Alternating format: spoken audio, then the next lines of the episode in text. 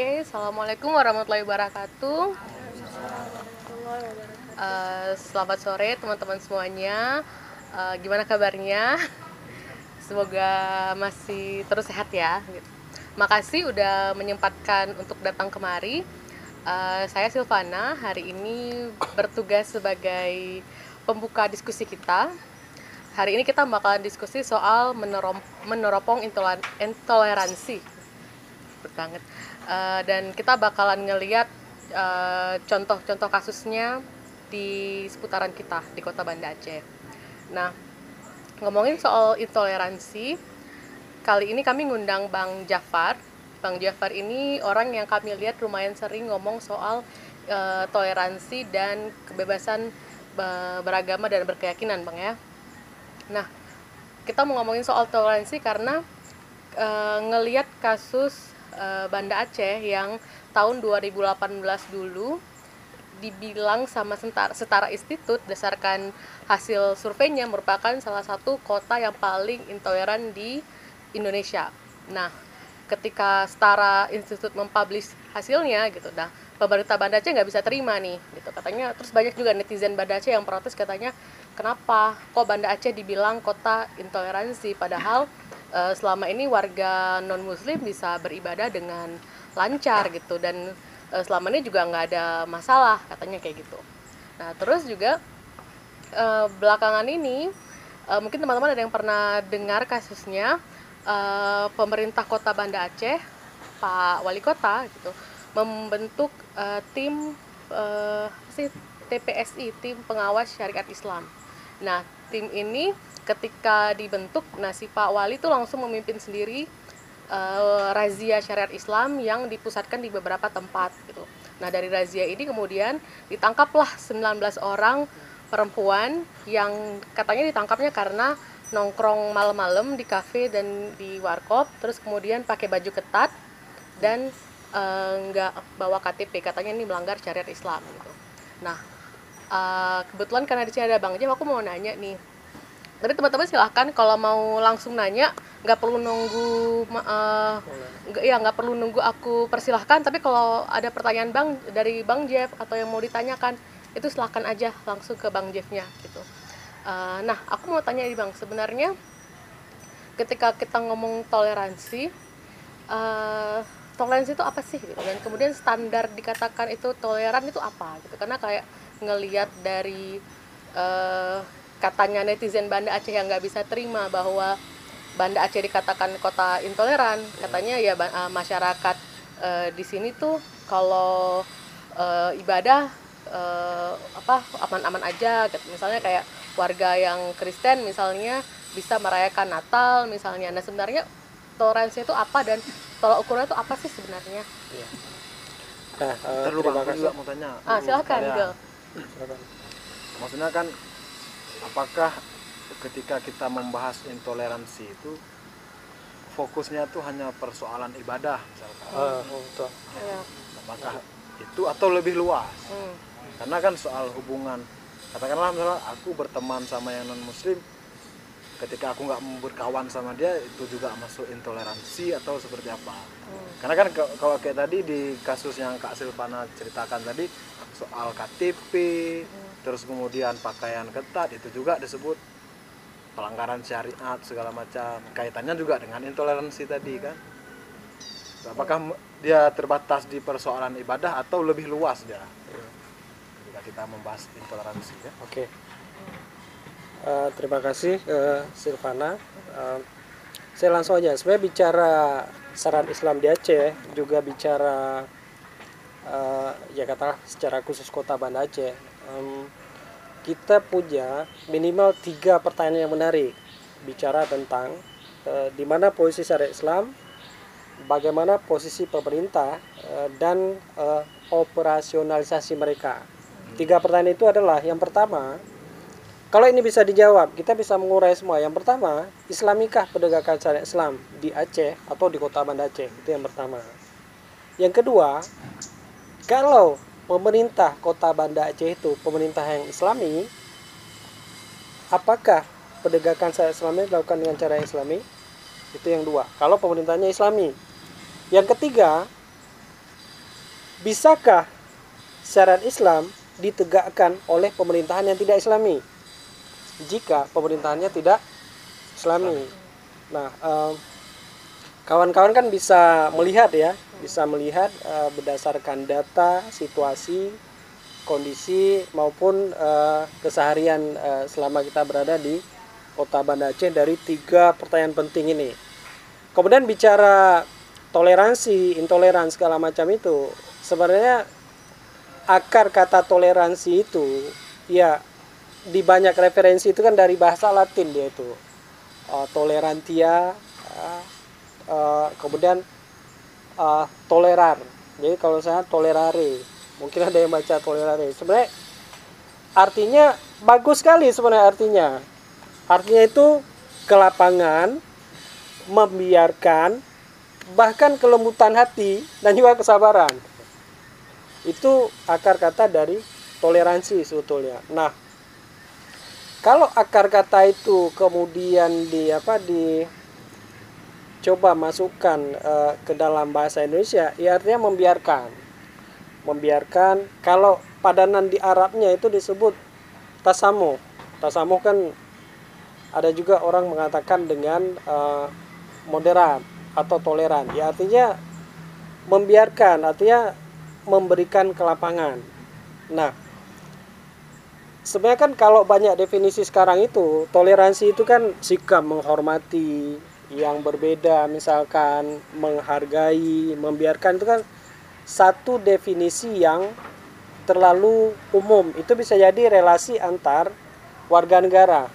Tetapi kalau kita melihat bagaimana posisi ya katakanlah pemerintah, orang yang punya kekuasaan, maka ada satu definisi itu dari uh, Bruce J Cohen misalkan kawan-kawan bisa bisa bisa apa bisa googling nanti kan Bruce J. Cohen dia dia bilang begini toleransi itu itu membiarkan ya kan uh, memberikan ruang kepada yang berbeda. Nah berbeda yang berbeda di sini umum sekali.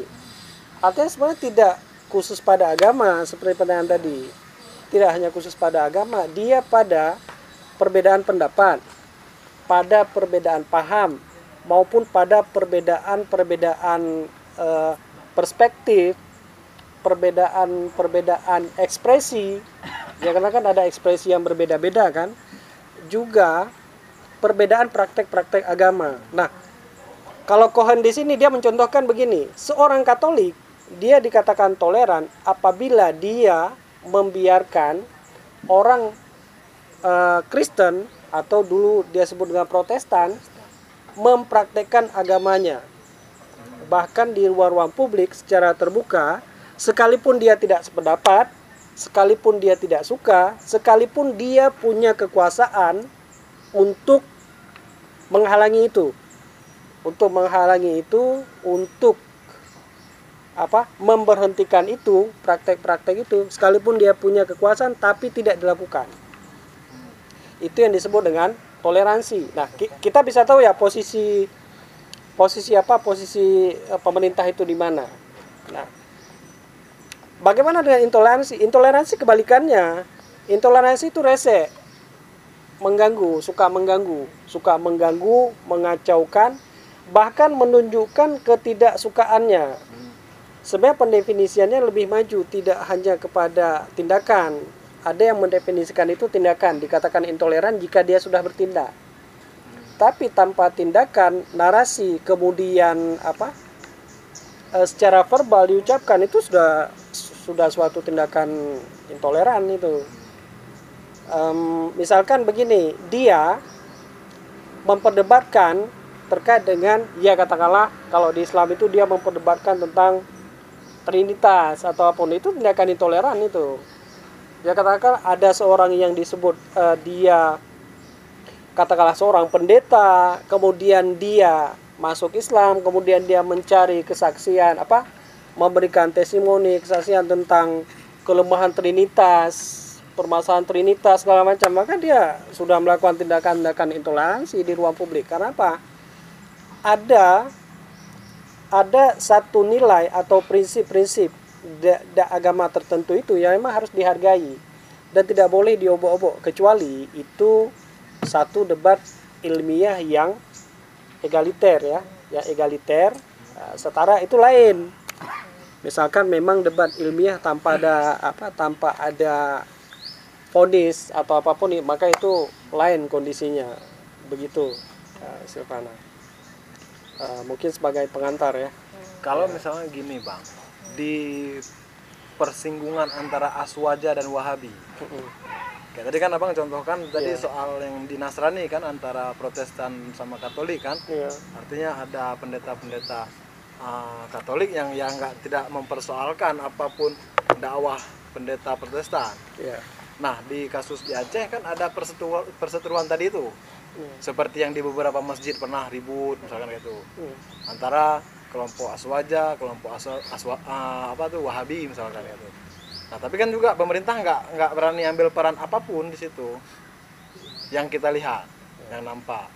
Artinya nggak ada forum misalkan mendudukkan ini berdua jadi debat ilmiah kan nggak ada juga. Iya.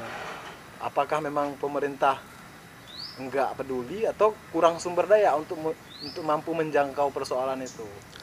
Eh, Nggak. bentar bang sebelum dijawab aku mau kasih tahu teman-teman silahkan diambil eh, makanan dan minumannya gitu silahkan diambil dan dibawa ke tempat duduk masing-masing Oke, Eh, silakan. biar jangan haus dan lapar selama kita diskusi yang mungkin agak panjang gitu silakan teman-teman ya ah ya eh, swa apa swalayan Ambil sendiri gitu Ini nih. Ayo. Ayo. silakan silakan Di sini biar tinggal satu aja. oh ya boleh boleh Itu yang ke sana tuh di tangga itu. Yang ditanggal ini. Corona di tangga tuh nggak masalah lagi dengan kolesterol tuh. silakan diambil teh dan kopinya oke bang Eh, silahkan lanjut bang Nah, sebenarnya eh, kalau itu bukan ya kita bilang sumber daya juga. Tetapi begini, pejabat publik eh, atau orang-orang yang punya kekuasaan, mereka kan politisi. Politisi itu pasti pasti begini dia pola pikirnya. Dia lihat ada satu mainan, dia lihat ini menguntungkan aku enggak ini. Kalau menguntungkan dia, dia akan mainkan itu. Tapi kalau enggak dan juga begini, kalau dia membiarkan dia mendiamkan itu, dia itu memberikan keuntungan, maka dia akan akan biarkan bergantung itu. Misalnya begini, antara A dan B. Jika keputusannya secara mutlak dia keluarkan lebih menguntungkan A, maka dia akan kehilangan dukungan Dari si B. dari si B.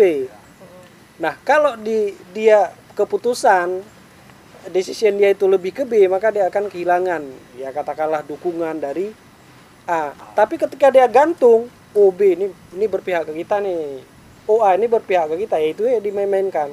Nah, jahatnya politisi di situ. Pada prakteknya jahatnya para politisi di situ. Mereka tidak mau apa? Tidak mau tahan badan, bersikap eh, apa? Iya katakanlah eh, tidak populis untuk membuat satu keputusan yang apa dia itu berpegang teguh pada eh, kebenaran, Kebenaran. itu. Jadi etikanya pun masih etika anak-anak itu. Ya. Dia masih berbuat sesuatu berdasarkan permintaan, berdasarkan pujian atau utility. Etika utility itu menguntungkan nggak bagi dia. Tapi kalau dia sudah sampai ke etika yang sebenarnya yaitu etika yang sebenarnya dia berbuat sesuatu berdasarkan kebenaran maka dia akan melakukan itu. Ya kalau tidak ya seperti itu tadi gitu. Kemudian mungkin ruang publik kita itu ruang publik yang nggak sehat.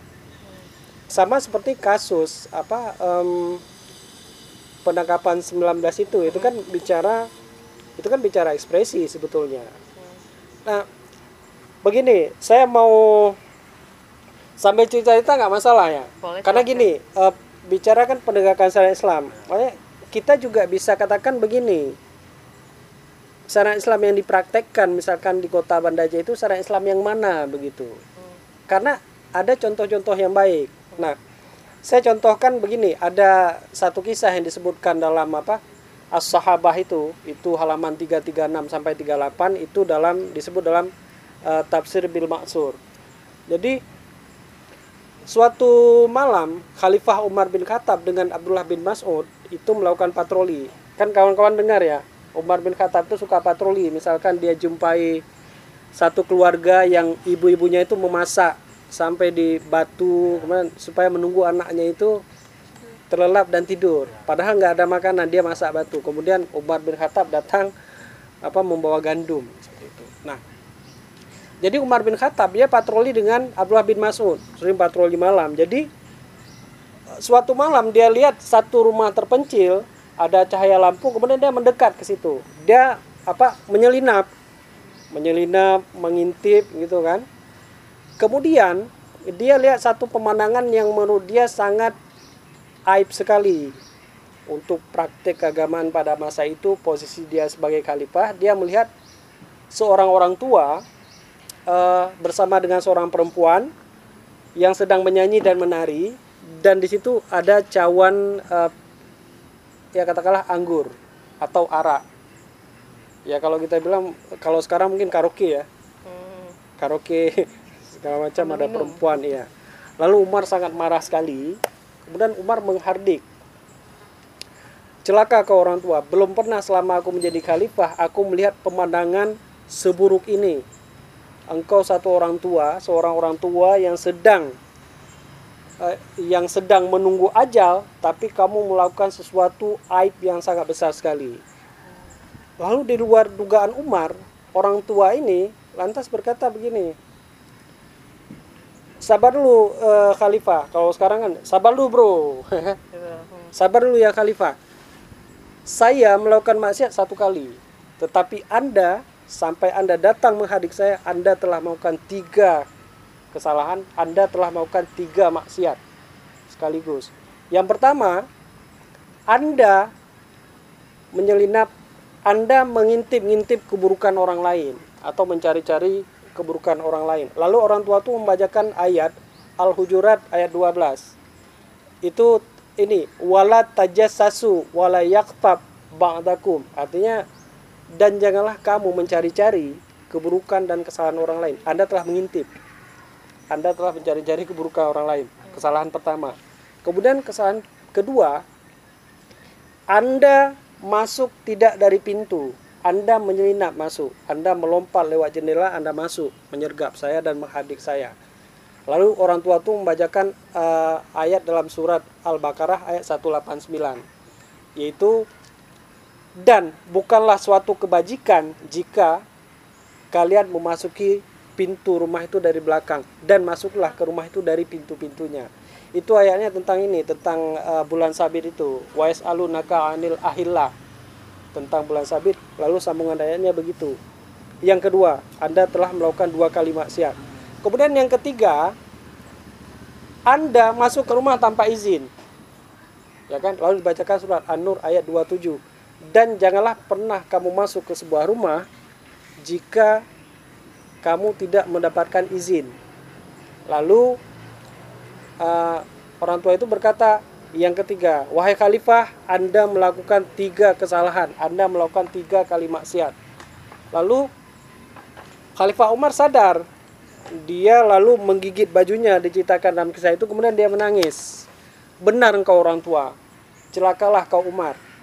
Mudah-mudahan Allah mengampuni atas maksiat yang kamu lakukan itu. Nah, di sini prakteknya begini, eh, orang tua itu sadar bahwa kekuasaan itu telah melanggar tiga hak tiga hak penting, terutama hak-hak sipil itu. Yang pertama itu adalah hak kebebasan, yang kedua eh, hak hak milik eh, hak milik, um, yang ketiga itu hak apa?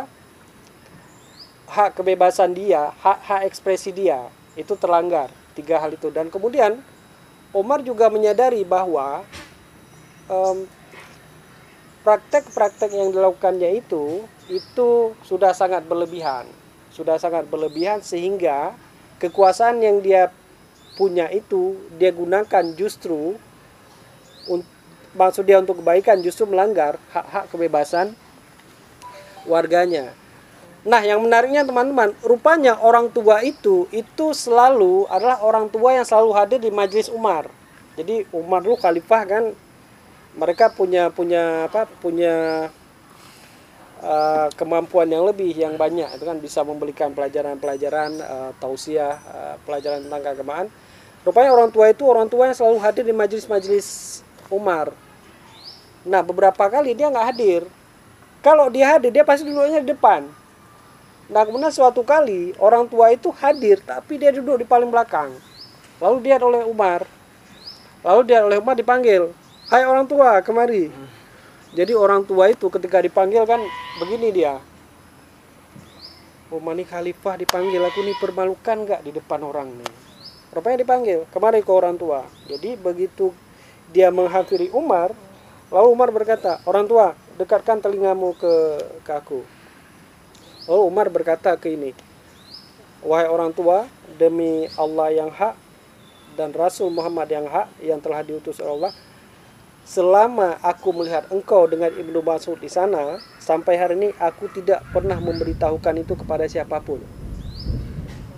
Nah, itu kata Umar. Kemudian orang tua itu berkata juga, ah, wahai khalifah, dekatkan telingamu kepadaku. Demi Allah dan Rasulnya yang hak, wahai khalifah, sejak engkau uh, menyergapku pada malam itu, maka setelah itu sampai sekarang aku tidak pernah mengulangi lagi perbuatan itu. Lalu mereka sama-sama bertakbir. Allah Akbar. Tapi nggak nggak takbir nggak ada kan. Cuma Allah Akbar ada sekarang. Enggak enggak ada. Takbir nggak ada. Biasa aja takbir. Biasa aja. Allah Akbar orang tua Allah Akbar juga. Jadi uh, apa? Jadi orang tua itu kembali. Jadi tidak ada pada praktek-praktek Islam awal yang makanya pertanyaan kita tanya sekarang itu mau contoh yang bagaimana itu mau contoh yang mana itu tidak ada pernah eh, pola-pola e, mempermalukan orang. Sebenarnya kalau kasus itu dia yang tangkap sendiri, ya. dia nggak bisa mempermalukan itu kan. Ini orang tua yang melakukan maksiat, jangan kalian contoh. Nah, jadi begitu di antara um, e, sekelumit kisah-kisah pada praktek Islam yang awal. Iya kalau yang lain mungkin pasti ada banyak sekali contoh-contohnya. Begitu. Berarti kayak ada apa? dalam penegakannya ada semangat untuk menjaga aib bang ya. Iya. Dan ini berbeda sekali sama yang ada di kota kita tercinta hari ini gitu. Justru semangatnya kalau bisa kita viralkan kita viralkan gitu kan. Iya, iya. Kita permalukan gitu. Iya. Nah, aku juga uh, sering dengar katanya kat, uh, orang bilang ini kalau menjelang tahun-tahun politik itu tuh sering banget tuh kelompok-kelompok minoritas itu dijadikan bahan untuk uh, politisasi agama. Nah gitu yang aku sering dengar gitu. Misalnya kayak teman-teman dari minoritas agama minoritas seksual itu sering jadi bahan untuk panggung politik mereka gitu. Atau yang sering orang bilang sebagai politisasi, politisasi agama. Nah sebenarnya politisasi agama itu gimana sih bang? Nah um, begini politisasi agama itu kalau secara sederhana bisa kita artikan dia menjadikan agama isu-isu agama itu untuk kepentingan uh, dia kepentingan dia kepentingan kelompoknya dan kepentingan politik. Artinya agama itu pada prakteknya sebenarnya agama itu sebenarnya pada prakteknya kan ada huriatnya itu ada unsur membebaskan manusia sebenarnya. Bahkan kalau awal itu dari perbudakan kemudian dari eksploitasi baik secara ekonomi atau apa pun gitu kan. Nah eh, politisasi agama tidak bermain pada wilayah itu. Yang seharusnya agama digunakan pada hal-hal yang seperti itu maka dia menggunakan agama untuk kepentingan uh, politiknya. Jadi memang dipolitisir gitu. Dan dan itu memang jahat sekali semua prakteknya begini semua sebenarnya Tuhan itu kan nggak pernah ikut pilkada kan Kok nggak pernah ikut pilkada, nggak pernah ikut pemilu kada atau apa pun segala macam. Tapi jika ada seorang kepala daerah, kepala pemerintahan dia ngomong begini, bioskop tidak boleh, ya kan? Bioskop tidak boleh karena itu melanggar syariat, tidak baik segala macam. Tuhan telah berfirman begini-begini, berani sekali dia mengatasnamakan Tuhan pada proses politik yang ya katakanlah curang, kemudian apa? penuh dengan uh, black market segala macam itu kan jahat sekali itu. Nah, kenapa mereka suka bermain isu syariah? Sebenarnya sederhana sekali. Isu syariah itu low cost, dia high profit. Misalnya, maksudnya gimana nih? Dia dia low cost, dia cuma bicara aja. Hmm. dia cuma bicara buat statement di media kemudian datang ke apa datang ke warkop grebek datang ke hotel grebek segala macam. Itu kan ya ya berapalah biaya. Paling itu politisasi politisasi anggaran juga untuk biaya-biaya dia segala macam. Tapi dia dapat profit yang besar sekali di tengah masyarakat kita yang ya katakanlah um, tidak mau bersikap kritis atau kurang bersikap kritis. Dia tampil sebagai pahlawan syariat. Dia orang yang membela syariat dan itu profit sekali. Profit sekali dia menggunakan kekuasaannya itu untuk membela Islam untuk membela syariat untuk membela akidah ya ya padahal ya padahal kan Ya. ya ya begitulah Kalau di Banda Aceh itu gimana menurut abang? Kita kan banyak berapa kali pergantian eh, pemimpin daerah. Gitu. Nah ini apakah trennya itu gimana kalau di ya, Banda Aceh? minum dulu skin ya Silahkan bang. Mungkin teman-teman juga kalau mau nanya, silahkan langsung aja gitu, nggak perlu dikasih sesi tanya jawab, langsung tanya ke bang Jafar. Nah, sebenarnya kan sil kalau kita lihat ya prakteknya kan nggak pernah pernah jauh juga dan nggak pernah berubah dari ya katakan politisasi politisasi secara seperti itu. Ya kalau wali kota sebelumnya dia menggunakan ya katakan lapangan terbuka dia buat tausiah segala macam. Nah kemudian ya kalau wali kota sekarang itu diganti dengan ya katakan zikir di pendopo segala macam. Tapi bagaimana pelayanan publiknya misalkan Nah, ada begini dia, ada persoalan eh, kalau dalam apa? Abdullahi Ahmed An-Naim itu eh, bilang begini dia, ada nalar warga, ada nalar agama gitu. Jadi nalar warga itu terkait dengan eh, persoalan pelayanan publik. Katakan fasilitas publik, ruang publik yang sehat, ruang publik yang ramah terhadap eh, disabilitas, kemudian ruang publik yang ramah bagi perempuan dan anak misalkan ramah bagi lansia segala macam ini semua terpenuhi enggak itu nah ketika ada tuntutan atau pertanyaan ataupun ada apa eh, kritik terhadap ruang-ruang ini maka dijawab dengan nalar keagamaan Misalnya. misalkan ada orang yang protes tentang apa tentang ya katakanlah PDAM yang tidak lancar kemudian fasilitas publik yang pelayanan publik yang terlambat tidak on time atau apa pun segala macam maka yang muncul kemudian apa? Penggerebekan. Untuk menutupi apa? Eh, meredam yang seperti ini gitu. Jadi jawab jawabannya seperti itu. Dijawab dengan nalar-nalar keagamaan. Ya. protes PDAM yang dibuat habis itu grebek iya maksudnya maksudnya dibarengi dengan itu. Dia katakan ya Pengalihan isu. iya Ya, model-modelnya seperti itu. Oh, bahwa kan memperbesar ini kemudian kan menghilangkan yang seperti ini kan. Ya. Sebenarnya di mana mana pun ya sama prakteknya seperti itu kan. Ya. Dan mungkin itu akan berubah kalau misalkan wali kota Banda Aceh itu Fadi misalkan. Atau Isa atau bahkan Silvana misalkan. Atau Reza maka itu akan berubah. Selama itu enggak ya nggak akan berubah kan begitu dia Nah terus mudah-mudahan nggak hujan ya. belum belum lagi belum belum. Eh, Jangan jangan hujan mudahan. KPI itu udah kita negosiasikan Oke. Nah, Terus eh, yang aku tahu mungkin tolong dikoreksi kalau aku eh, m- kalau aku salah. Nah katanya kan negara menjamin setiap orang untuk be- menjalankan eh, keyakinannya. Tapi kalau udah prakteknya tuh gimana menurut abang? Eh, prakteknya sama sekali tidak terjadi. Jadi gini, em, kalau misal kita katakan kita mulai dari dimasukkannya Banda Aceh itu kalau nggak salah sudah tiga kali ya masuk sebagai kota paling intoleran. Bahkan 2000 berapa itu 2017 entah 2016 itu masuk peringkat kedua dalam 10 kota paling intoleran itu. Nah, sil kita bisa lihat ke prakteknya kan. Nah, kalau kita lihat secara institut ini dia melakukan survei kalau di Indonesia itu kan ada 98 kota, dia hanya pada kota, tidak kabupaten atau provinsi, hanya pada kota. Mereka melakukan survei terhadap 94 kota. Ada empat indikator yang dinilai oleh mereka. Ma- Kita bisa melihat pada prakteknya ya. Yang pertama itu regulasi. Regulasi di sebuah kota itu kondusif atau tidak bagi promosi dan praktek toleransi. Oke, kita ambil satu contoh ya, Kanun nomor 4 2016. Bagi kawan-kawan itu apa? Bagus atau tidak bagi promosi toleransi, katakanlah. Ya kalau di kabupaten kota nanti mungkin ada dibuat juga perwalnya kan, ada perwalnya segala macam. Itu yang pertama. Ada nggak regulasi yang uh, mendukung terhadap promosi atau praktek-praktek toleransi itu indikator pertama yang dinilai. Kemudian yang kedua, pernyataan dan tindakan dari aparat pemerintahnya kondusif tidak bagi promosi uh, toleransi ini.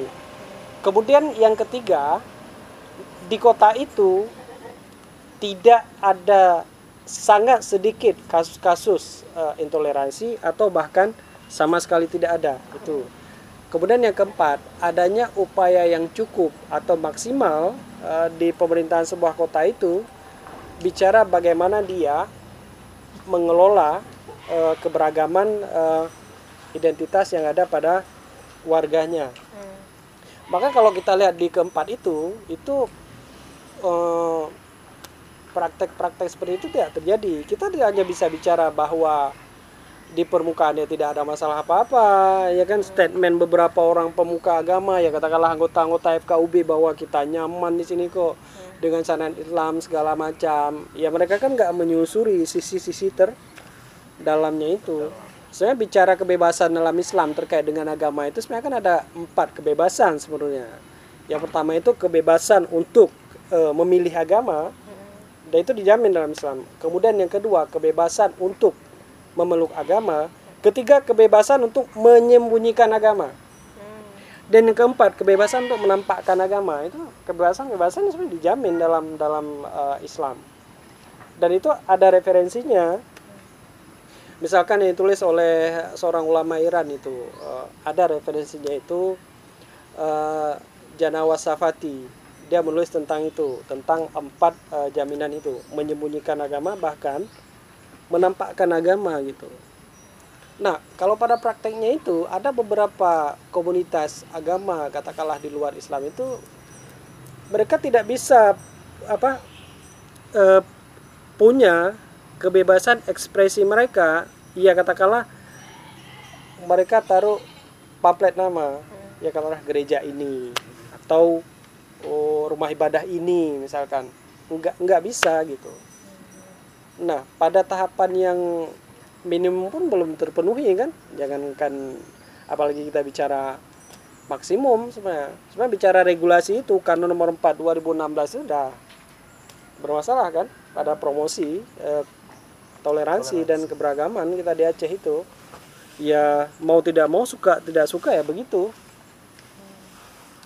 Iya. Hmm, hmm. aku jadi teringat nih kayak berapa tahun lalu kan kita pernah punya kasus uh, orang Syiah dan Ahmadiyah yang ditangkap-tangkepin atau misalnya ada beberapa orang yang uh, kayak tengku apa gitu yang dibilang aliran sesat segala macam. Nah itu sebenarnya uh, kalau merujuk pada kebebasan yang bang abang bilang tadi itu gimana tuh sebenarnya? Mestinya itu gimana gitu? Nah uh, seperti kita ini kita kembalikan kepada bagaimana orang mempraktekkan toleransi itu sekalipun dia tidak sependapat dengan itu dia tidak suka dengan itu, dia tidak setuju dengan itu, tapi tidak ditunjukkan. Tidak ditunjukkan. Artinya kalau ditunjukkan kan pasti beda, itu sesat. Sesat itu kamu itu bertentangan dengan akidah ini segala macam itu kan. Ya kalau bahasanya itu uh, seolah dia itu pemegang mutlak kebenaran lah seperti itu. Nah, dia membiarkan seharusnya praktek-praktek yang seperti itu kan di, dibiarkan sebenarnya harus biarkan aja. Iya harus harus dibiarkan. Um, namun kan ada catatan yang penting selama itu tidak uh, ya katakanlah mengganggu hubungan uh, antar manusia gitu. Nah kalau kesaksian-kesaksian testimoni ya katakanlah seperti Irene Handono apa segala macam itu mengganggu. Itu sangat mengganggu bagi um, satu hubungan antar manusia apalagi yang berbeda agama seperti itu kan.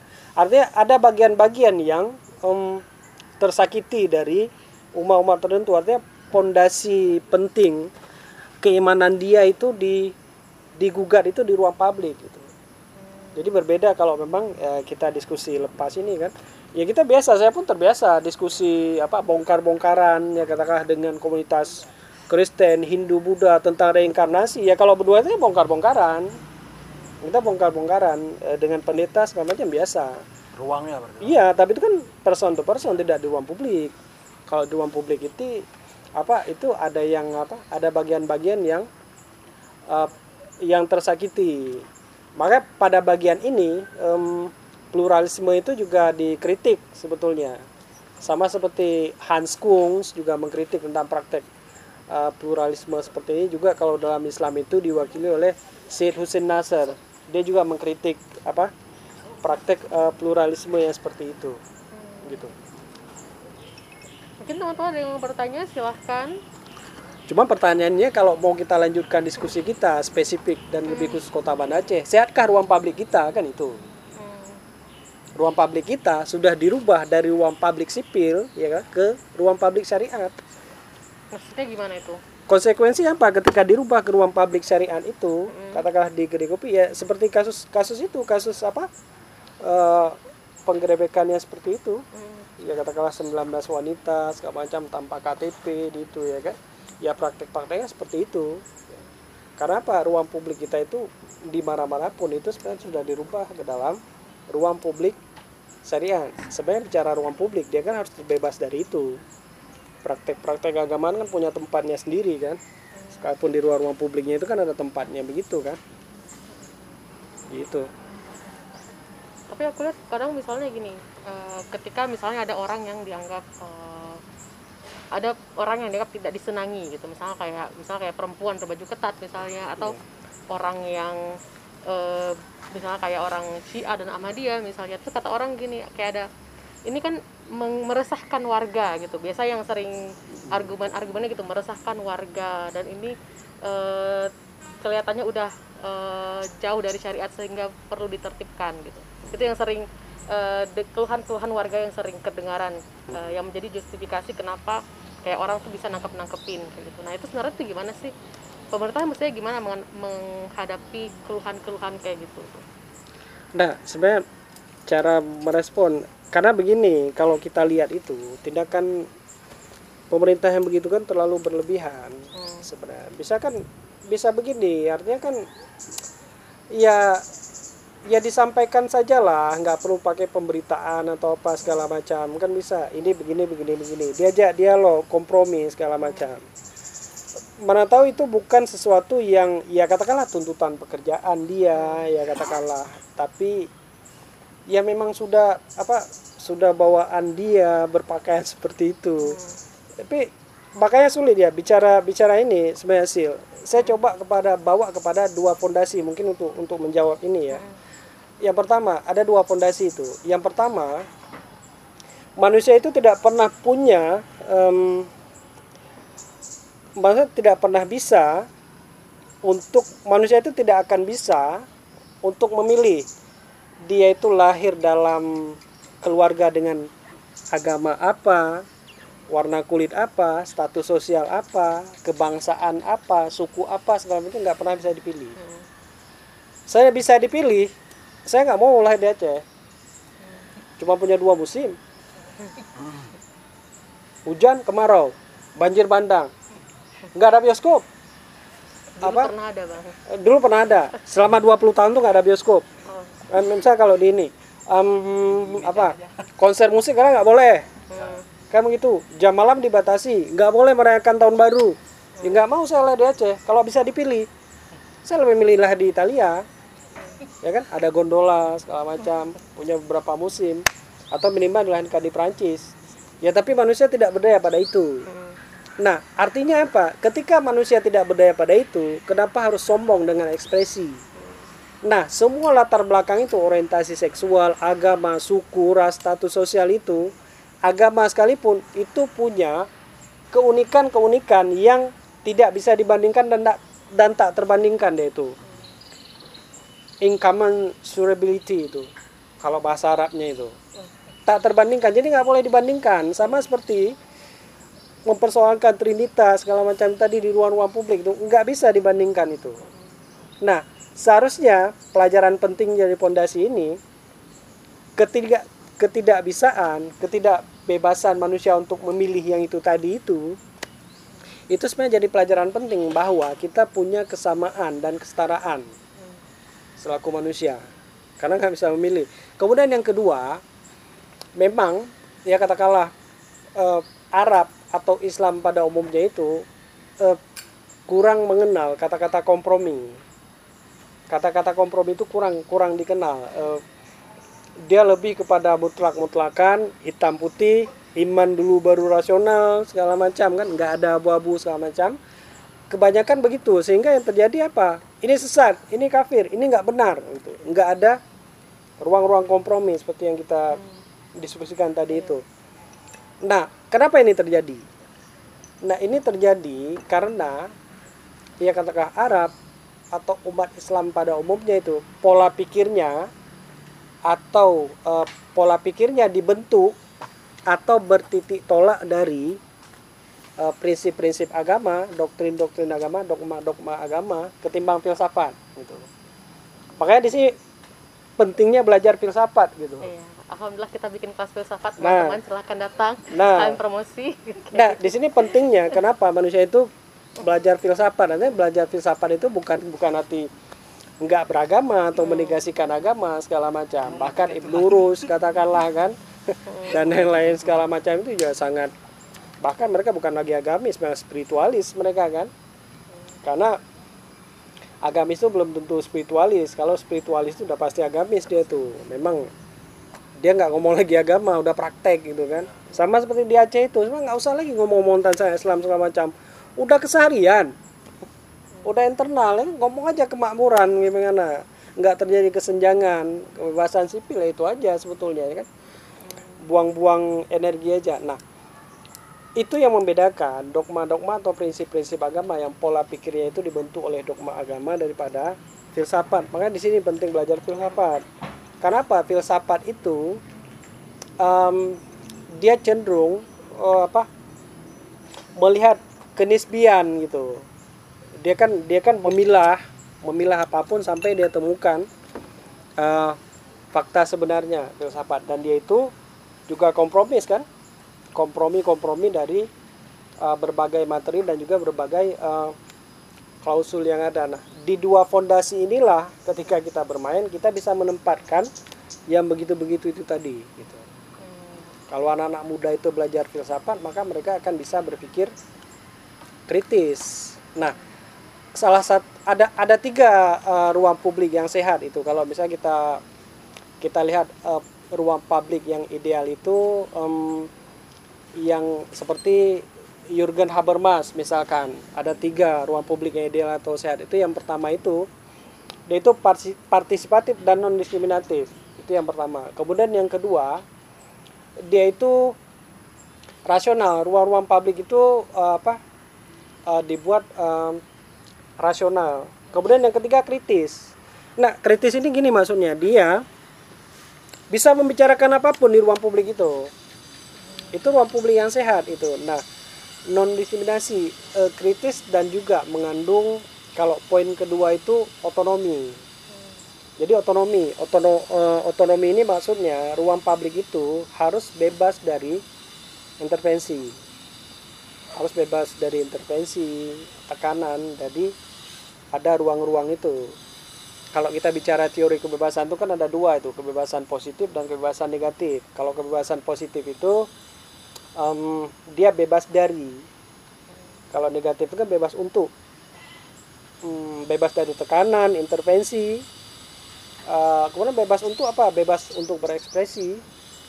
Berekspresi kemudian eh, apa ruang untuk mengekspresikan kebebasannya agama pemikiran dan apa pun itu gitu. Nah kalau negara tidak bisa mengambil posisi ya katakanlah menciptakan ruang publik eh, yang ideal dan sehat di tiga poin ini maka negara itu seperti dibilang oleh Nietzsche kan negara itu adalah penghalang tertinggi bagi manusia untuk merealisasikan dirinya. Jadi negara begitu perannya itu dia menjadi penghalang tertinggi bagi manusia untuk merealisasikan dirinya. Jadi manusia itu tidak bisa menjadi manusia seutuhnya dan manusia sebenarnya gitu. Bahkan manusia setengah-setengah itu. Setengah. Bang, sedikit kan. Ah, seperti yang Banyak pun nggak apa-apa. Enggak, ini ini karena berbi- berbicara ekonomi. Hmm. Agama itu kan ekonomi mainannya. Ya. Ah, jadi seperti Silvana katakan dia dengan ada pembentukan lembaga apa namanya? Oh itu. Tim pengawas syariat ah, Islam. tim pengawas syariat itu kan. Ah, jadi kan itu pasti berbicara money, uang. Uang tetap Tuhan. Apa pun cerita, uang adalah Tuhan. Nah, bagaimana ketika ya seperti abang bilang, ini kan ini udah mau masuk pilkada, ini pasti main lagi. Seperti Al-Quran di apa istilah jual beli kayak pasar bebas gitu. Ini pasti ada. Ah, Nah, bagaimana kita memilah untuk hal-hal seperti itu? Ba- Bahkan anak muda sesama dia bisa jadi gontok itu antara pendukung A dan pendukung B. Nah, salah satu contoh kejadian seperti per- kepemimpinan perempuan sel- selalu itu kan pasti itu momen enak tuh. After lancar kalau udah mulai. Berarti artinya di mana kita mau lihat bahwa ruang itu sehat dan negara itu istilahnya sebagai pelindung bukan sebagai seperti kata itu menghalangi manusia itu kayak mana? Nah, eh, eh, saya, saya jawab dengan ini ya, Isa ya. Begini, Eh, kawan-kawan bisa akan dapat jawabannya begini. Ada satu kontestasi politik, itu kan ada pendukung, ada pendukung, ada supporter, ada partisipan, dan dia itu berperang level-level gitu. Ada yang dia berperan di level atas, ya kan di level kedua, level ketiga, bahkan di grassroots segala macam. Nah, ketika menang, maka semua itu harus diakomodir kan? Bagaimana cara mengakomodir gitu? Nah salah satu cara mengakomodir ya ya mungkin begitu. Ya mungkin begitu bentuk ini bentuk itu segala macam ya. Namanya juga apa kos politik kan kalau tidak diakomodir itu akan terjadi nggak menang lagi. kekacauan. Ya ya mau gimana? Pola kita seperti itu. Maka nggak kita ambil bahwa beda pola-pola demokrasi kita di Skandinavia dengan di Amerika kan? Di Amerika seperti apa pola demokrasinya Skandinavia seperti apa gitu kan? Itu yang membedakan. Ya kita sangat Amerika sekali kan? Kita sangat Amerika sekali. Nah itu itu itu yang akan terjadi. Sehingga yang terjadi apa? Pada akses anggaran kan Iya. ada akses akses anggaran ya ya mungkin secara banyak atau tidak banyak langsung atau tidak langsung pasti berefek kepada uh, penggunaan anggaran yang seharusnya bisa digunakan ke hal-hal yang lebih baik produktif tapi kan tersedot pada ya persoalan-persoalan yang sebenarnya itu juga menciptakan konflik-konflik em, sosial di masyarakat kan saya pernah dengar eh, satu ini saya pernah dengar em, itu ada kelompok tertentu dia bilang seperti ini. Kita sudah sudah koordinasi dengan ya eh, wali kota atau apa pun itu kita tegakkan sama Islam. Kita akan razia rumah-rumah kos itu. Rumah itu kan kita akan razia rumah-rumah kos itu harus islami laki-laki dan perempuan. Jangan sampai ada yang homo segala macam. Itu kan udah sangat apa menelisik sekali sampai kepada persoalan-persoalan yang sangat urgent eh, bagi eksistensi manusia ya. Sebenarnya nggak perlu kan? Begitu. Aku ada pertanyaan nih. Sebenarnya pertanyaannya lebih ke teman-teman LBH gitu. nah aku perhatiin kalau misalnya di kasus-kasus kayak intoleransi gitu yang paling sering jadi sasaran itu kan perempuan. Gitu. Eh, misalnya kayak soal perempuan dan ketubuhannya lah misalnya. Kayak kasus yang minggu lalu itu perempuan berbaju ketat gitu. Nah itu dianggap melanggar syariah gitu. Eh, kita udah punya belum ya kanun busana muslim? Sudah. Udah ada ya? Aku kurang tahu soal itu. Nah ketika misalnya nih ketika misalnya ada ya perempuan yang ditangkap karena dianggap berbaju ketat gitu. Nah sebagai eh, orang yang ditangkap gitu perlindungan hukum apa sih yang bisa kita lakukan? Atau kita mesti gimana ketika kita ditangkap gitu? Kadang kita kan sebagai orang awam kadang kita nggak tahu kita harus ngapain ketika kita ditangkap gitu mungkin teman-teman dari LBH ada yang mau membantu jawab? Aku kurang kurang tahu soal hukum. Jangan sampai aku ketangkap maksudnya aku nggak tahu nanti ngapain gitu. Iya gitu. Siapa nih? mungkin lari. Gimana kita mau lari? Orang pakai mobil eh, patroli kita mau lari gimana? Udah ketanggok kan mau lari. Iya. Gitu nih?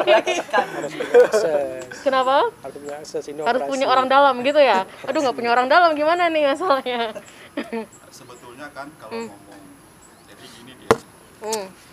tidak semua pelanggaran syariat itu Mm-mm. merupakan pelanggaran kanun Hmm. karena formalisasi syariat Islam di Aceh itu kan tidak menyerap habis seluruh syariat yang ada sejak 1400 tahun lalu Hmm. tidak diserap habis Mm-mm. dalam kanun jinayah kita tuh hanya 10 jarimah artinya hanya 10 tindak pidana yang diatur Hmm. delapan di antaranya itu merupakan pelanggaran Hmm. yang kalau dilakukan itu merugikan dirinya sendiri Hmm. tidak merugikan orang lain seperti main judi Mm-mm. walaupun kalau kita tarik-tarik keluarganya juga rugi Gak main judi. tapi bukan kayak pencurian dan segala macam itu delapan kan di antaranya dua di antaranya merupakan kejahatan kekerasan seksual pemerkosaan dan pelecehan seksual Hmm. jadi di antara 10 jarimah yang diatur itu itu kan pada prakteknya otoritas penegakan syariat Islam itu Hmm. ah, apa. WH, WH. polisi hari A Polisi chef. mereka kan kemudian cenderung bersama bersama dengan otoritas lain seperti dan sebagainya itu cenderung juga menindak aspek-aspek syariah yang tidak diatur dalam kanun. Hmm. Nah ini kan dua hal yang berbeda antara otoritas keagamaan dengan otoritas kenegaraan itu tentu dia punya peran berbeda. Hmm. Tidak serta merta itu kemudian menja- menyaru menjadi satu. Nah pentingnya bagi kita semua sebetulnya kalau kita merasa kita paling rentan dengan aturan-aturan itu itu harus kita baca. Hmm. apa begini penindakan itu kan dia yang di garda depan itu kan polisi biasanya Hmm. polisi itu sejak Indonesia merdeka udah ada 75 tahun lebih. Hmm. mereka secara institusi itu sudah mapan. Kendati pun demikian dalam prakteknya mereka juga masih serampangan. Apalagi polisi yang baru dibentuk berapa tahun ya Berdasarkan kanun. ini tingkat pengetahuan aparat penegak hukum kita dalam melakukan penindakan Hmm. yang mapan saja dia cenderung melanggar apalagi yang baru karena ketidakpahaman dia tentang apa yang harus dia lakukan dan apa yang tidak boleh dilakukan nah itu yang sering terjadi Hmm. sebagai warga negara tentu kita punya hak yang sama dengan itu Iya. artinya negara itu tidak bisa masuk di ruang-ruang yang tidak mengatur mereka melakukan itu Hmm.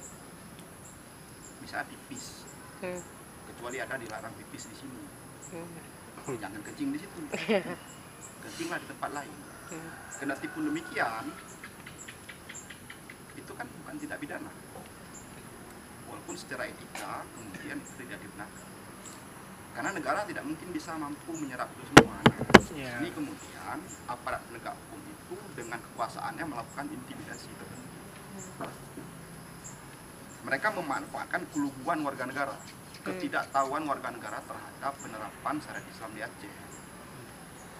Itulah yang dimanfaatkan sehingga mereka bebas beras, merasa di atas angin posisinya tidak setara dengan kita untuk melakukan apa pun yang mereka mau atas nama penegakan syariat Islam mereka memang nggak mau memberitahu nggak mau kita tahu tentang kanun-kanun itu karena memang nggak ada nggak ada pendidikannya. Ya. yang ada tuh dilarang main batu segala macam. Nggak ada dalam kanun-kanun itu dilarang main batu. Nggak ada. Tapi itu iklan yang paling besar di mana-mana. Hai Domino. main domino. Oh, Hai Domino. nggak ada tuh dilarang mem- melecehkan perempuan. Nggak ada. Karena padahal itu diatur dalam kanun. Oh, iya iya iya.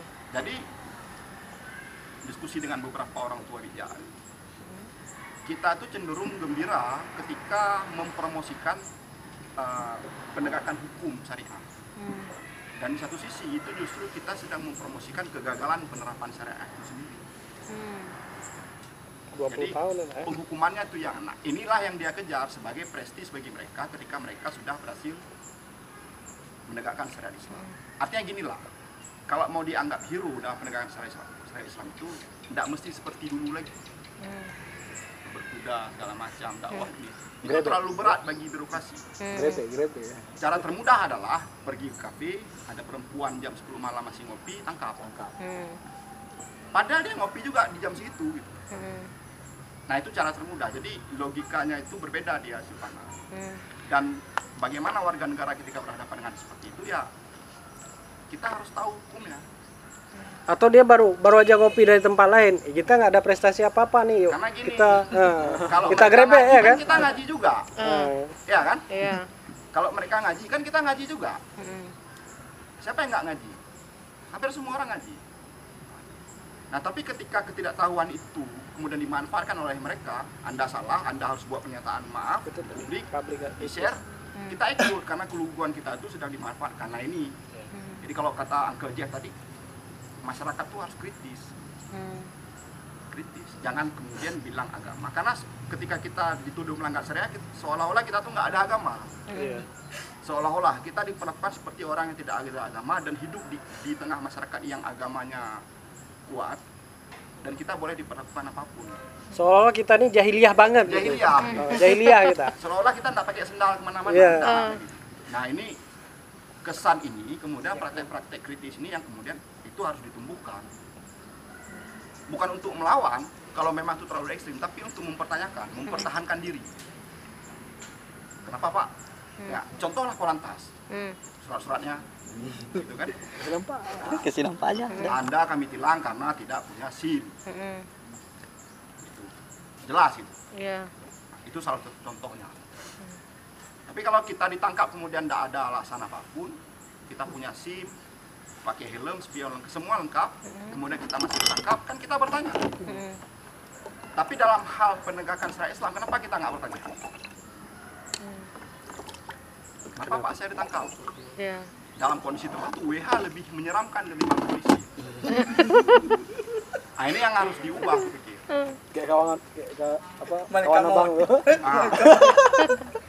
tapi untuk untuk darurat sebisa mungkin lari dulu. Lari. lari dulu sebentar kan Eh, ditangkap Kalau gitu. Kalau langsung aja. Oke. aku WA. karena yang diatur dalam dalam jenayah kita itu cuma 10 Hmm. nah di luar daripada 10 itu aparat negara itu tidak punya wewenang untuk melakukan penindakan Hmm. Terus bisa kita ditangkap tuh. Terus dibilang disuruh diangkut nih naik mobil WH. Kalau kita menolak untuk itu boleh nggak? ya boleh aja boleh Ah, boleh aja. Oke. nah sialnya karena kita itu acak adut ya. Hmm. ketika mereka tahu ini kalau kita lakukan ini tidak bis, tidak di, tidak dibenarkan oleh eh, aturan mereka pakai kelompok lain. Hmm. jadi yang grebek itu bukan dia. Hmm. orang lain yang grebek. Siapa pun itu. Ah, kalau di berita tuh masyarakat iya. kalau di berita kan Nah, masyarakat punya kewenangan nggak untuk itu? ya enggak nah, dalam sebagai bentuk partisipasi punya tapi bukan menindak Hmm. tidak menindak orang kita kan hobinya ngeten tidak mencegah Hmm. masyarakat itu ada orang mesum diketen dulu Iya. udah buka udah telanjang udah direkam Heeh. baru ditangkap itulah jasus itu. Iya. memata-matai up ya kayak nggak bisa akses VPN aja nah itu bisa dilawan balik gitu. Hmm. jadi penegakan hukum itu bisa ki- memungkinkan kita itu untuk mempertahankan diri termasuk ketika kita itu menjadi orang yang ah, katakanlah tersandung masalah uh, syariat Islam bukan versi yang kita ngaji-ngaji dulu ya Hmm. syariat Islam versi kanun kira-kira gitu Oh. Terus kalau misalnya yang nangkap ini masyarakat biasa gitu, sipil gitu, bukan kayak WH gitu. Nah, itu gimana gitu? Maksudnya kan kalau WH dia mungkin dia punya kewenangan, kalau masyarakat kan dia sama kayak kita gitu. Nah, itu gimana kita mestinya kalau masyarakat sipil yang yang razia-razia gitu? pertanyaan aku pertanyaan tuh aku pahami kayak gini Hmm. kita nggak berani lawan mereka gitu kan karena mereka rame kan gitu ya situasinya Iya. Ya kan untuk men- menjamin keselamatan kita secara fisik kupikir ikuti dulu. Ikut. Ikut dulu. Kalau di- karena tidak ada gunanya ngomong hukum sama mereka. Hmm. sama-sama nggak tahu. Nggak masuk Sama-sama nggak tahu. jadi ketimbang kita kena tonjok dulu kupikir itu yang utama ya. Hindari dulu itu. Ketemu di ruang yang seharusnya katakanlah polisi. Ya di situ kita baru bisa keluarkan argumentasi kita. Kenapa saya dibawa kemari? Nah cenderung pada kebiasaannya kan terjadi kekerasan. Iya. Nah sebisa mungkin itu kemudian kita harus ajarkan ke orang-orang itu juga bisa kena. Hmm. bisa kena gitu. Iya. kayak kalau sekarang argumentasi gitu. Dulu murid dipukul guru nggak ada lapor-lapor. Hmm. mendidih sekarang kenapa udah lapor? Dipukul sedikit udah lapor. Ya kan? Karena sekarang orang udah tahu bahwa guru tuh nggak boleh pukul murid nah yang mukul-mukul sekarang ini adalah orang yang dulu kena pukul. Jadi kekerasan tuh diwarisi. Kita harus potong itu. Jadi yang membela membe- membela-bela kekerasan praktek kekerasan itulah mereka yang melakukan tindak kekerasan. Dan mereka lah pelaku. Hmm. kita harus potong itu. Dan itu memang tidak mudah karena arusnya besar. Tapi memungkinkan itu dilakukan. Mungkin dan kita pernah melakukan itu juga berhasil juga. Saya kira begitu selama anda berani anda bisa Yang penting lari dulu. sebisa mungkin Oke. Teman-teman ini kayaknya udah mulai gerimis, tapi nanti kalau hujan kita pindah ke mana, Bang? belum nih lanjut aja lu Iya, kalau misalnya misalnya nanti. ada dalam ada balai Kita balai udah kita prepare Oke, oke. Mungkin teman-teman ada yang mau nanya, gerimis gerimis senja ada yang mau nanya silahkan. Ya nggak sepakat sampai aja Eh kalau nggak kalau ada yang nggak sepakat dengan pernyataan Bang Jeff sampai atau mungkin Bang eh, Len, silahkan. Atau mau nanya gitu, silahkan kayak gitu. Kalau LBH sendiri Bang pernah eh, apa mendampingi kasus intoleransi yang Banyak. gimana gitu? pernah Hmm, gimana tuh? apanya nih gimana nih Kasusnya tuh gimana yang pernah LBH tanganin? mulai dari uh, aliran sesat Hmm, sampai dengan LGBT LGBT pernah juga. Hmm. semua pernah lagi rumah orang orang yang diperkosa dituduh zina. Hmm, hmm, nah, pernah kita lah dampingi. Hmm. sampai kepada non muslim dituduh tapi mabuk memang nggak asik diskusi dengan WH dua kerja karena mereka ya. Nggak dialogi seorang nih debutan. Maksudnya aparat penegak hukum debutan. Maksudnya gimana tuh debutan? nggak paham juga ya. itu mereka tuh kalau dari pat- di mobil patroli itu kayak mau jihad memang. Bukan menegakkan kanun tuh. Heeh. nah, jadi kalau di kepala dia itu dosa dia tangkap. Ah. Oke.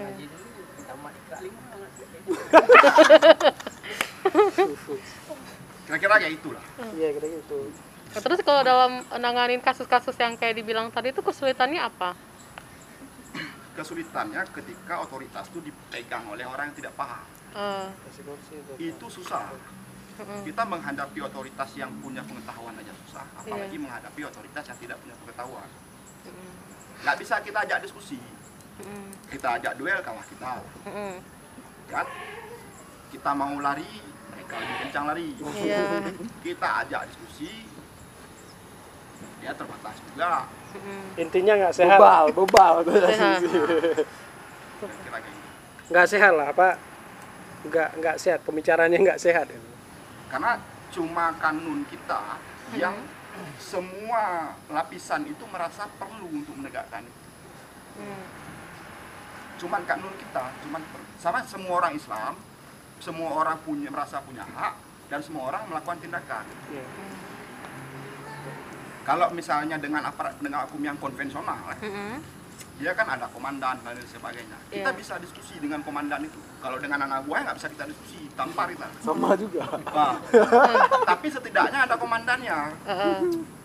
Nah kalau dengan yang kayak kayak gini ini semua orang merasa dia oh ini syariat Islam nih semua kita punya hak untuk menegakkan uh, pegang parang dan mempersekusi dan dan banyak sekali orang yang harus kita ajak diskusi. Nah caranya adalah jangan jangan terdistorsi distorsi dengan itu kita harus tahu siapa yang pegang otoritas. Setidaknya komandan gitu. Hmm. Nah jangan lupa mereka itu kan uh, apa pegawai apa istilahnya sekarang?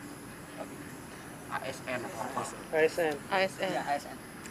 dan kita warga negara kita punya hak mempertanyakan mereka ada yang kontrak juga tapi memang sulit bukan berarti nggak bisa. Dalam beberapa kasus misalnya klien kita itu dipaksa untuk tanda tangani surat pernyataan. Nah. Untuk tidak mengulangi lagi. Nah kita pragmatis juga. Kita tahan ini kuat-kuat itu orang lebih lama dalam tahanan. Mm, ya. Ya kan? Dia mentalnya tidak sesiap kita. Mm. nah ambil akhirnya dalam beberapa kasus kita ambil pilihan ya udah tekan aja yang penting dia keluar. Dilematis ah. Pernyataan ini tunduk pada kanun Tapi misalnya kalau misalnya klien kita itu atau kok orang yang menjadi korban itu kuat dia, Mm, dia lawan itu kita lega, bebas kita berekspresi. Contoh kayak Bang Sepul misalnya. Bang, Se Bang Sepul kuat. Pokoknya saya begini ya sudah. mm. enak kita Segala main macam upaya yang bisa kita pakai untuk melawan itu kita keluarkan. Kita nggak khawatir lagi dengan klien kita. Karena dia secara mental udah kuat.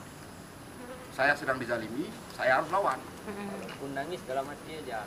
Nah, Iya. nah ini kendala juga kan. iya iya Dan itu tanggung jawab kita juga membuat kawan-kawan kita tuh mengerti. Iya.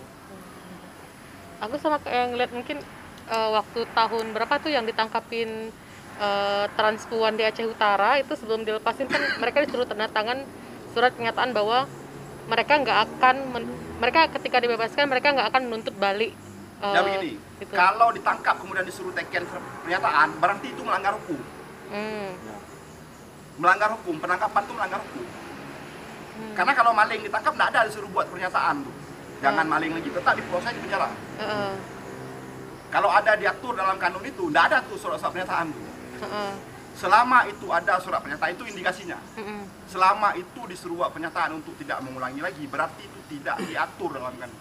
Hmm, itu melanggar Artinya, hukum? Ketika tidak diatur dalam kanun, perbuatan melangkap, menangkap itu juga melanggar hukum.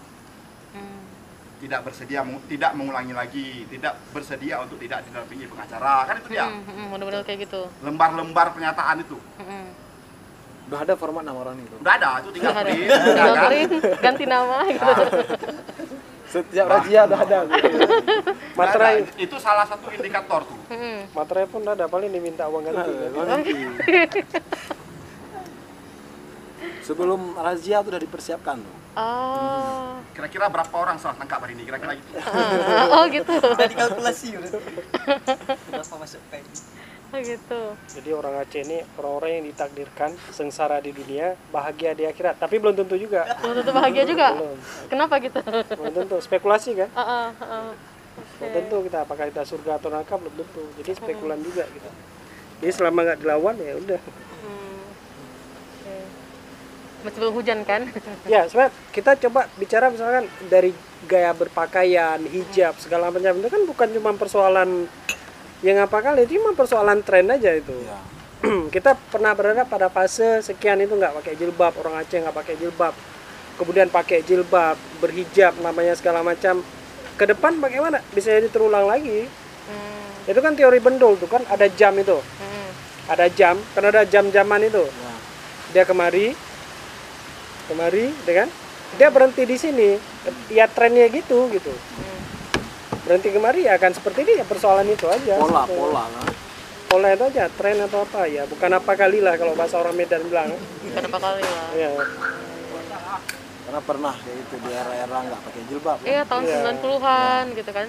Tuh. bukan persoalan hidayah-hidayah kali lah. Cuman ada lah satu dua hidayah atau apa segala macam. Itu sangat apa eh, self experience itu kan spiritual experience itu sulit kita gugat apalagi di ruang publik gitu gitu dia Mungkin teman-teman ada yang mau bertanya. Kalau nggak ada yang tanya, aku pengen nanya ke Kak Asvin sebenarnya. Kebetulan ada Kak Asvin kan dari YLBHI gitu. Dan kebetulan lagi ada di sini. Eh, Gawat power pertanyaannya tuh. iya, aku mau nanya aja kalau di kita tadi ngomong soal Aceh ya. Kalau di soal nasional, kasus intoleransi ini gimana kak? apa saja maksudnya ya Ah, bentuk-bentuknya itu trennya tuh gimana kalau di nasional gitu? kalau trennya sebetulnya kalau soal itu dimulai dari eh, desa maupun kota atau dimulai dari perda baru ke nasional sebetulnya kan skenario itu pertama kali ada perda Tangerang. Mm-mm. Eh, teman-teman mungkin pernah pernah ingat ya tahun eh, lama sekali itu 2007 ya kalau saya nggak salah ingat. Sini aja. eh, yang yang bilang begini eh, orang yang menyerupai pekerja seks jadi menyerupai itu nggak boleh ada di jalan-jalan. Nah menyerupai pekerja seks itu apa sih? Ya nggak ada. Kan itu nggak bisa gitu. Misalnya menyerupai koruptor. Apakah orang yang pakai cincin gede itu menyerupai koruptor? Kan belum tentu. Nah eh, karena itu penangkapan pertama warga di, di Tangerang itu adalah mereka yang eh, ditemukan yang pulang malam sebenarnya bu- buruh yang shift malam. Eh, kan ada tiga shift tuh kalau di pabrik. Yang malam yang shift 2 akan pulang malam-malam sekali. Yang shift 3 datang malam sampai pagi. Dan tidak kenapa ditangkap karena menurut satpol pp di tasnya ada lipstick. Nah siapa yang punya lipstick di tasnya? Gitu. Jadi semata-mata itu nah se- sejak itu kemudian eh, kami menemukan perda-perda itu di copy paste ke mana-mana termasuk di eh, macam-macam ya di, di Aceh mungkin juga ya. Eh, di Bulukumba juga ada yang nggak pakai pakaian muslim di, di- dilarang untuk di eh, apa namanya mendapatkan pelayanan itu ditulis di eh, kantor kecamatannya gitu. Tapi itu cuma satu. Ada persoalan yang yang bertahun-tahun itu adalah soal eh, penodaan agama eh, terus pendirian rumah ibadah gitu mungkin Kalau di nasional isu agama ini masih kita sering lihat Aceh gitu kan politisir soal agama. Kalau nasional itu gimana kak? Sama juga kak? Atau ada perbedaan bentuknya mungkin? Iya, jadi pertama kali tuh eh, eh, L- waktu saya pernah di, waktu saya di LBH Jakarta dan LBH Jakarta bersama Kontras Jakarta gitu ya, itu bikin investigasi tentang lima kasus eh, lima kasus kebebasan beragama berkeyakinan, ada penod- penodaan agama, rumah ibadah dan lain-lain. Itu kemudian ada pola yang seragam. Dia selalu dimulai dari eh, di- selalu dimulai dari membuat sentimen gitu. Jadi ada penyebaran, oh ini lihat nih LBH nih eh, ada orang-orang sesat tuh diskusi di situ gitu ya. Taunya dari mana sesat nggak pakai jilbab gitu ya. Macam-macam gitu. Terus kemudian itu menyebar, ditambah-tambahin semakin lama semakin bertambah. Kemudian diserang, setelah diserang orang yang diserang ini dibawa ke kantor polisi, kemudian dijadikan tersangka. Alasan polisi karena dia menyebabkan orang menyerang dia. Kan nggak masuk akal ya. Kenapa kamu ditangkap polisi? Karena kamu menimbulkan gangguan ketertiban. Gangguan ketertibannya apa?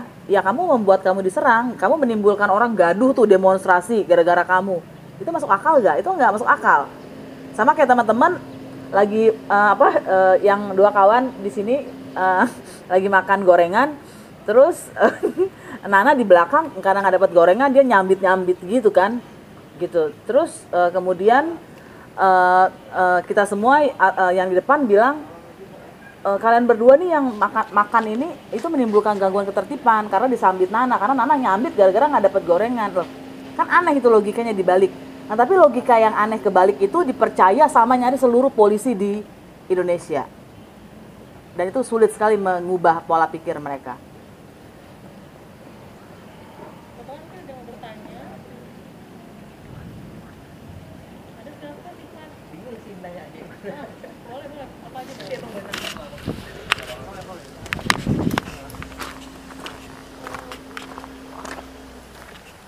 kan memang Apa Bang? apa ya enak sih Eh, tadi pembahasan kita mungkin udah udah udah sangat luas soalnya. Cuma kembali ke awal. Kebetulan karena yang saya tengok di eh, di pembuat apa sih di pesan WhatsApp terkait poster itu beredar Hmm. tentang eh, dan apakah pemerintah bisa seenaknya nangkapin orang yang hanya mengekspresikan keberagama apa beragama yang berbeda? Kan, kan itu kan dah lagi-lagi lagi-lagi so- soal keyakinan dan apa sih gitu kan dan lalu kan karena berhubung Aceh memang ya Kenapa? katakanlah negeri syariat bagi saya negeri syariat sih Iya. Iya. Iya. Apa-apa. sehingga kan mungkin pemerintah harusnya punya cukup andil yang dirasa lebih memang kalau mungkin sesama kita masyarakat kita nggak boleh terlalu berlebihan juga dalam misal katakanlah ada seorang yang yang ngelakuin uh, tindakan melanggar syariat kita nggak boleh juga serta merta uh, apa sih ambil tindakannya itu tindakan pemerintah kan nggak mungkin lalu melihat hal itu menurut menurut abang sebenarnya pemer- peran pemerintah yang seperti apa sih yang harusnya bisa diupayakan dalam bentuk uh, mensyiarkan Islam di Aceh itu sendiri Bang? kalau melihat uh, tadi diskusi kita yang Iya. udah sangat meluas Nah, jadi begini, em, ya katakanlah seperti rilis Setara Institute. Kemudian kan pemerintah eh, pemerintah kota Banda Aceh itu itu kan marah eh, mengatakan bahwa kita toleran nggak seperti itu segala macam. Nah, kita kan juga juga cari tahu, misal misalkan begini ya, efek dari pemberitaan itu rupanya kabarnya apa indeks indeksnya seperti itu ada konsekuensi ke anggaran seperti itu Oh. Jika satu daerah atau kota itu masuk dalam list itu itu konsekuensinya akan ke anggaran yang seperti itu. Nah em, kalau dikatakan praktek-praktek eh, pemerintah katakanlah dalam eh, apa eh, implementasi Islam itu maka itu kan pakai pada pendekatan yang humanis lah. Se- sebenarnya begini kita dulu masyarakat sipil tuh sudah sudah menyusun itu kerangka Islam humanis itu dan itu sudah kita berikan tuh. Kerangka Islam humanis itu adalah praktek.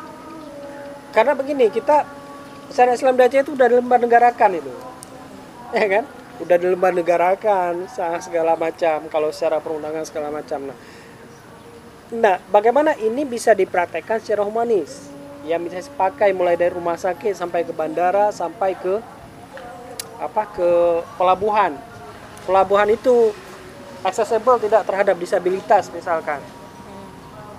Nah, kalau enggak berarti nggak islami nggak humanis. Nah bentuk humanis ini yang seperti apa tuh ya humanis tuh dia ramah terhadap disabilitas misalkan. Pelayanannya ramah. Nggak suka marah-marah itu islami. Ya kan? Kemudian praktek-praktek eh, di pemerintahan. Pelayanan publiknya on time tepat sasaran tidak berbelit-belit. Eh, kemudian ya katakanlah model-model pemerintahan ya. Kalau kita contohkan tidak ada SPPD fiktif tidak ada markup harga segala macam maka pemerintah sudah mempraktekkan itu. Keteladanan misalkan ya kan? Ya sekarang begini itu kan memang kebebasan ekspresi tapi tetap berlaku pada dua kosakata yang tanda petik ya kepantasan dan kepatutan ya katakanlah di tengah kondisi perekonomian yang seperti apa kemudian ya ada apa? Ada apa? Ada show kemewahan apa segala macam dari pejabat segala macam. Maka itu mencederai semangatnya itu tadi. Nah peran pemerintah tidak seperti itu. Dan pemerintah itu tidak punya kapasitas apalagi otoritas untuk membuat warganya itu masuk neraka atau enggak nggak punya otoritas dan punya kapasitas untuk itu. Ya kan? Nah ketika dia nggak punya kapasitas bahkan otoritas untuk pada persoalan ini makanya mereka harus tahu diri juga kan? Bagaimana bersikap bagaimana bertindak terhadap eh, praktek-praktek yang seperti itu. Nah contoh-contoh yang cerita tadi itulah tuh. Bisa nggak nilai-nilai itu diimplementasikan sekarang? Kalau itu bisa diimplementasikan itu sih oke aja gitu. Dan ki- kita kita pernah pernah gini kita pernah pernah wawancara tokoh pakar atau apa pun mereka bilang nggak bisa dihindari. Syariat Islam di awal tuh euforia itu. Sehingga lahir kanun kanun jinayah kanun akidah segala macam. Sebenarnya kalau kita apa balik urutannya itu penghukuman itu terakhir setelah orang paham setelah orang sadar maka terakhir tapi itu nggak bisa di nggak bisa apa nggak bisa di dilakukan kan Aceh itu udah kehilangan momentum 20 tahun gitu. Sebenarnya 20 tahun itu Aceh dengan praktek sana Islamnya itu bisa menghasilkan norma baru yang bahkan bisa dipakai dunia. contoh dengan syariat Islam Aceh Aceh bisa menjaga kerukunan kebebasan praktek-praktek agama oh itu luar biasa sekali dengan syariat Islamnya Aceh bisa menjaga hutan bisa menjaga kerusakan lingkungan bisa menjaga alam dari kerusakan lingkungan bisa menjaga air misalkan oh, itu praktek yang sangat luar biasa sekali tapi itu nggak bisa dilakukan kalau kita mau contoh secara mendalam, seharusnya itu yang dibentuk itu bukan wilayatul hisbah itu. Kalau pakai misal kata, katakanlah al-ahkamu sultaniyahnya Mawardi misalkan. Di situ dikenal istilah wilayah mazamil. Ya kan? Wilayah mazalim. Jadi wilayah mazalim itu satu badan yang dibentuk, apa kerjanya itu? Kerjanya itu adalah untuk mengontrol, mengecek harta kekayaan pejabat negara itu wilayah mazalim tidak hanya harta pejabat negara dari mana mereka dapat bagaimana prosesnya bahkan harta di keluarganya itu dan itu dipraktekkan pada masa-masa awal Islam kalau kita bicara Aceh ya seharusnya kan itu ya kita bisa lihat prakteknya itu. Berapa berapa banyak sudah otonomi khusus dan otonomi khusus tapi apa yang terjadi? Berapa banyak korupsi? Berapa banyak uh, apa? Uh, ya kan? Berapa banyak hutan yang gundul segala macam. Berapa banyak handuk yang udah dibeli kan gitu. Udah kau kandung berapa banyak handuk yang dibeli? Dari uang itu gitu loh. Ya kan? Jadi begitu. Nah kita sudah melewatkan itu 20 tahun. 20 tahun dan itu waktu yang lumayan ya, ya. dua dua dasawarsa itu. Dan anggaran yang lumayan juga ya. Ya, ya dan anggaran yang lumayan besar juga itu. Bukan bukan main-main itu. Hmm. nah jadi gitu mau tadi. Ya pemerintah tentunya bisa mempraktekkan praktek-praktek sana Islam itu. Makanya pertanyaan saya tadi itu bisakah pemerintahan yang tidak Islami bisakah sana Islam ditegakkan oleh pemerintahan yang tidak Islami misalkan? Indikator tidak Islami apa ya nggak bisa lah mereka sendiri nggak Islami. Gimana mau menegakkan saya Islam? Apakah Islami penegakan saya Islam? Saya kasih contoh tajasus itu nggak ada dalam kausus penegakan saya Islam bahkan awal. Itu sama seperti uh, Olianda katakan tadi itu mengintip ya kan orang melakukan itu dulu ya kan? Berzina bersetubuh segala macam. Diintip sekali nggak cukup. Dua kali. Yang ketiga krebek. Dia diintip udah dua kali itu tajasus namanya dalam, dalam praktek itu nggak islami. Tajasus itu memata-matai dan mencari-cari kesalahan orang lain. Nggak dibenarkan eh, praktek-praktek uh, yang uh, seperti itu. Nah ini tidak akan didapat kalau kita tidak berada pada ruang-ruang yang kritis. Banyak alternatif banyak pilihan-pilihan praktek-praktek uh, Islam seperti apa yang cenderung lebih humanis uh, bahkan uh, manusiawi itu? Karena pekerjaan tersulit bagi manusia itu memang mengelola manusia ya. Kalau dia nggak bisa dikelola dia ini. Karena bicara filsafat manusia tidak dibenarkan memberikan pelajaran kepada yang lain itu dengan menggunakan manusia itu.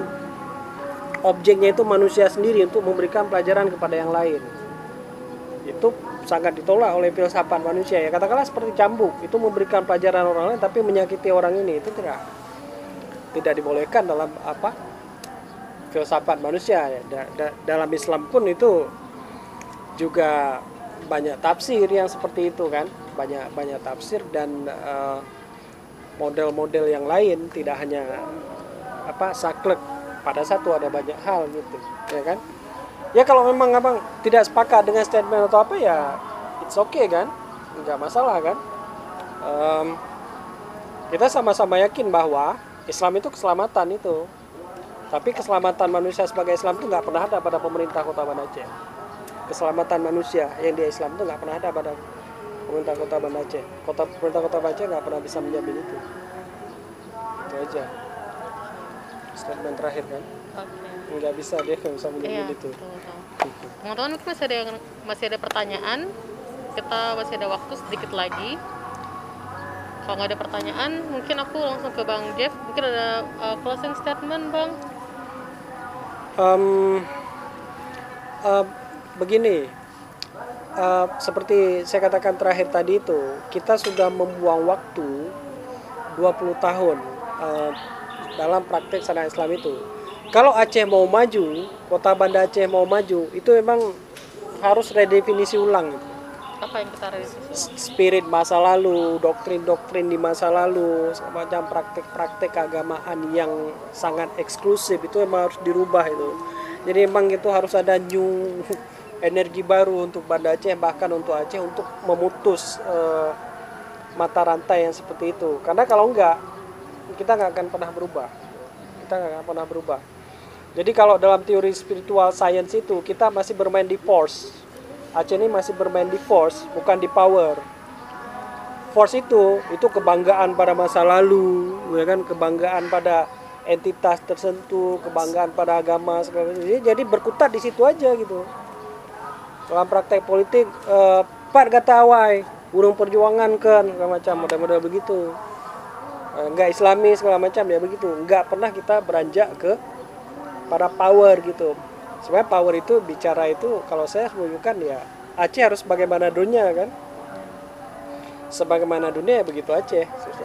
Sebenarnya wajar juga lah kalau orang curiga, misalkan di Aceh nggak ada diskusi yang bebas seperti ini, apa nggak ada apa eh, ekspresi pemuda ya wajar aja orang curiga karena Aceh beda dari yang lain. unik Iya, trennya beda dengan yang lain kan. Bila dibandingkan dengan eh, kebiasaan atau kesamaan eh, dengan daerah-daerah eh, di luar Aceh, begitu. oke baik. Eh, makasih banyak teman-teman atas eh, partisipasinya. Menarik sekali diskusi dengan Bang Jafar hari ini. Semoga ini bisa menambah pengetahuan untuk kita semua memahami soal intoleransi dan bagaimana eh, menghindari dan bagaimana sih sebagusnya bagusnya untuk menjadi orang yang toleran. Eh, saya Silvana sebagai moderator mohon undur diri dari teman-teman. Eh, mungkin kita ketemu lagi minggu depan. Makasih atas perhatiannya. Assalamualaikum warahmatullahi wabarakatuh. Waalaikumsalam warahmatullahi wabarakatuh. Silahkan makanan dan minumannya dihabiskan. Namanya siapa, Bang?